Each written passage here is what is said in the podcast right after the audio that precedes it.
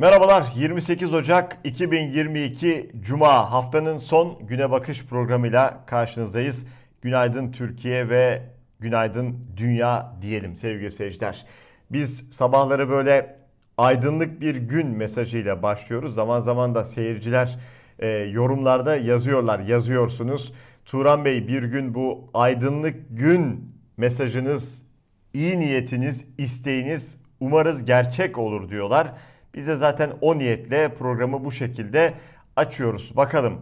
Fakat Türkiye gündemine döndüğümüzde ne yazık ki öyle olmuyor. İç açıcı haberler olmuyor sevgili seyirciler. Malumunuz hepimiz biliyoruz ama bunları da konuşmak zorundayız. AKP içine döneceğiz şimdi.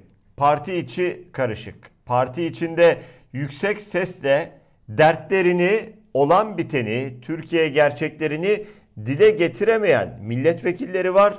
Ama o milletvekillerinin birçoğu aslında ne dolapların döndüğünü sizden, benden, herkesten çok daha iyi biliyorlar.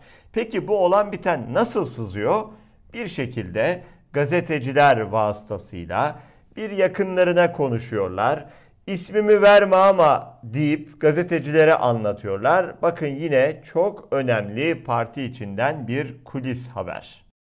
Korkusuz gazetesi yazar Ahmet Takan köşesinde AKP cenahında ateş bacayı iyice sardı. Milletvekilleri homur homur diye yazdı. Takan isim vermeden parti kanadından edindiği görüşleri aktardı. Ekonomi ve dış politika yönetilemiyor. Buralardaki başarısızlık her iktidarda olduğu gibi AKP iktidarının da sonunu getirecek. ABD-Rusya dengesini ıskaladık. Bu yüzden başımıza büyük dertler açılacak. Önümüzdeki seçimin kaderini milliyetçi muhafazakar seçmen belirleyecek. İyi Parti'nin milliyetçi muhafazakar seçmen üzerinde ağırlığı artıyor. Tayyip Erdoğan ve yakın çevresinin agresif, saldırgan tavrını en yakınlarımıza bile izah edemiyoruz. Vatandaştan gelen adalet taleplerine cevap veremiyoruz. Bir zamanlar AKP'nin 2, 3 ve 4 numaralı isimlerinin burada Abdullah Gül, Bülent Arınç, Ali Babacan ve Ahmet Davutoğlu sıralanıyor. Yaptığı eleştiriler karşısında aciz kalıyoruz. AKP'nin devamlı görüntüde olan sözcüleri toplum nezdinde inandırıcılıklarını tamamen yitirdiler.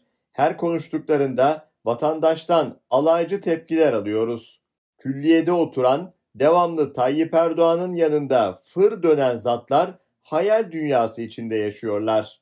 Haksızlar mı? Gerçekleri gören en uyanık AKP'liler Tayyip Erdoğan sonrası planlar hazırlanıyor diye rampa edecekleri yeni mekanlar arıyorlar.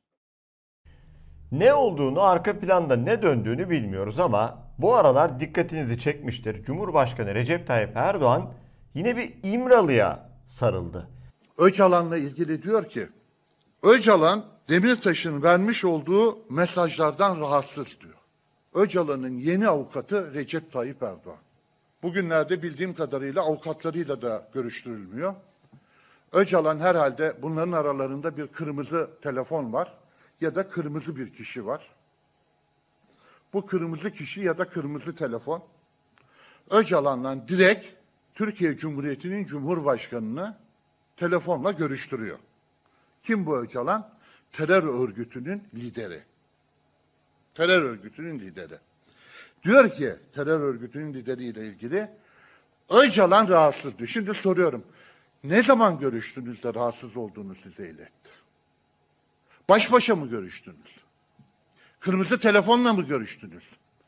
Aranızdaki samimiyetin derecesi nedir? Terör örgütü Öcalan'la birlikteki samimiyetinizin derecesi hangi noktadadır? Şöyle mi aradı? Ya Tayyip Erdoğan sayın demiş. Sayın Tayyip, Tayyip Erdoğan ne oldu? Ben çok rahatsızım bu Demirtaş'tan. Dedi de sen ona ben bunu söyleyeyim mi? Televizyona çıkacağım şimdi. Bu söylediğinizi söyleyeyim mi deyince söyle söyle sana yetki veriyorum dedi de sen televizyonda şöyle bir cümle mi kurdun? Öcalan Demirtaş'a vermiş olduğu mesajlardan çok rahatsız. Ya sadece bu yeri ve zamanı geldiği zaman senin her yola başvurabileceğinin kanıtıdır. Senin bu sözün. Kar esaretinin yaşandığı, AKP'nin adeta çaresiz kaldığı İstanbul Havalimanı'ndaki o rezaletle ilgili bir hamle geldi. Fakat o hamle yurt içinden değil, yurt dışından. Moskova savcılığı İstanbul Havalimanı'nda mahsur kalan Rus vatandaşların hakları ile ilgili soruşturma başlattı. İstanbul'u etkisi altına alan kar yağışları nedeniyle hava trafiği aksamış, yüzlerce yolcu İstanbul Havalimanı'nda mahsur kalmıştı. Evet, yabancı ülkeler kendi vatandaşlarının mağduriyetiyle ilgili bakın nasıl hassas davranıyor. Hemen soruşturma başlatılıyor. Biliyorsunuz Yunanistan'daki kar kriziyle alakalı da hükümet hedefte. Fakat hükümet içerisinden hem özürler geliyor hem de istifa çağrıları yapılıyor. Türkiye'ye dönüp baktığımızda sürekli başka bir yerleri suçlayan, sürekli bir muhalefeti suçlayan iktidar partisiyle karşı karşıyayız. Son dönemde şu kar kriziyle alakalı gözlerin çevrildiği isim Ulaştırma Bakanı. O Ulaştırma Bakanı Adil Kara İsmailoğlu Habertürk TV'ye konuk oldu. Ne diyordu? Tem ve Kuzey Marmara Otoyolu Karayolları Genel Müdürlüğü'nün sorumluluğunda. Tamam buraya kadar normal. Gazeteci bu kez hatırlatıyor. Tem otoyolu kapalıydı diyor.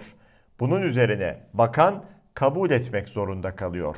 Tabii ki kapalıydı. Biz onu inkar etmiyoruz. Bu kadar kar tipi tabii ki olumsuzluklar yaşanacaktı. E bu kadar kar tipi tabii ki olumsuzluklar yaşanacaktı diyen Ulaştırma Bakanı neden İstanbul Büyükşehir Belediye Başkanı Ekrem İmamoğlu'nu o halde hedef alıyorsunuz diye de biz sormuş olalım. Gazeteci Sedef Kabaş tutuklanmıştı. Kabaş hala cezaevinde. Fakat Sedef Kabaş tutuklanmadan önce Sedef Kabaş'ın hedef alınması ve adeta yargıdan önce hükmünün verilmesi gündemde. Gazeteci Sedef Kabaş avukatı aracılığıyla Adalet Bakanı Abdülhamit Gül hakkında suç duyurusunda bulundu.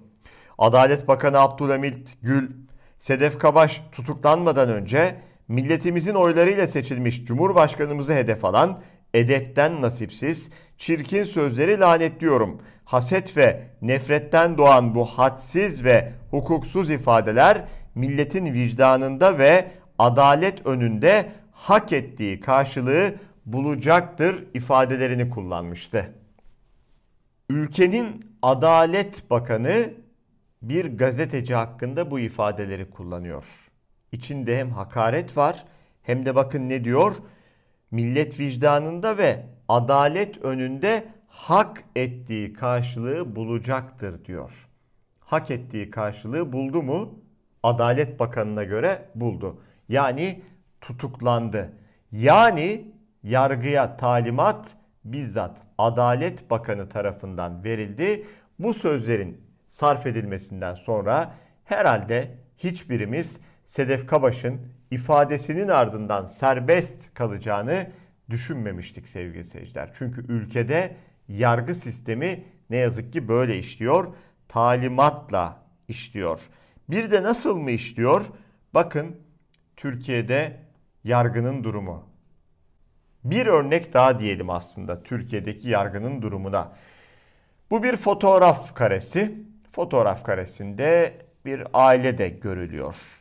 O fotoğraf karesindeki kişi kucağında çocuklar olan Galip Öztürk. Müebbet hapis cezasına çarptırılan bir isim. İş insanı aynı zamanda metro turizminde sahibi. Fakat skandal olan bu fotoğrafı çeken kişinin bir hakim olması.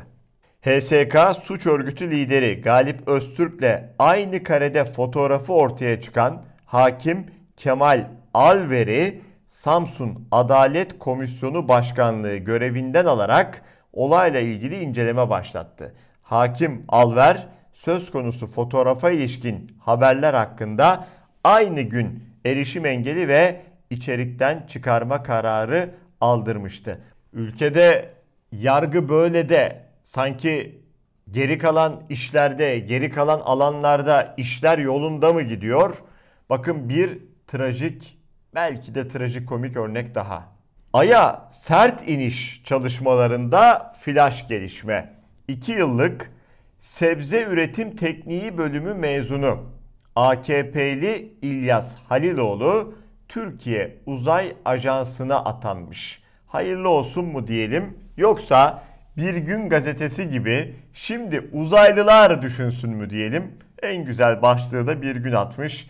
Evet şimdi uzaylılar düşünsün çünkü deprem sarsıntılarını Erdoğan'a teşekkür edilmemesine bağlamıştı bu şahıs.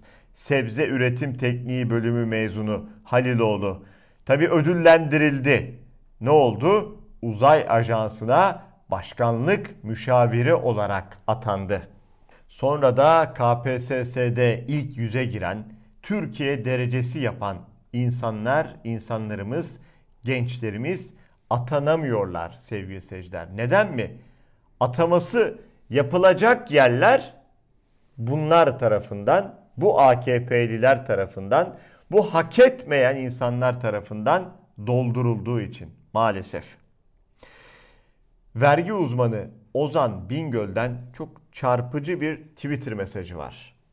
Vergi uzmanı Ozan Bingöl şöyle demiş. Son 15 yılda 10 ayda Ziraat Bankası'na ödenen görev zararı 25.2 milyar TL. Halk Bankası'na ödenense 15.3 milyar TL olmuştur. Sadece iki kamu bankasına ödenen 40.5 milyar TL'dir. Görev zararları da 84 milyon vatandaşın vergileriyle ödenir ve her kuruşunda 84 milyonun hakkı vardır. Evet güzel bir hatırlatma fakat sadece keşke bunlarla kalsa değil mi sevgili seyirciler? Geçmediğiniz köprünün parasını da sizden alıyorlar.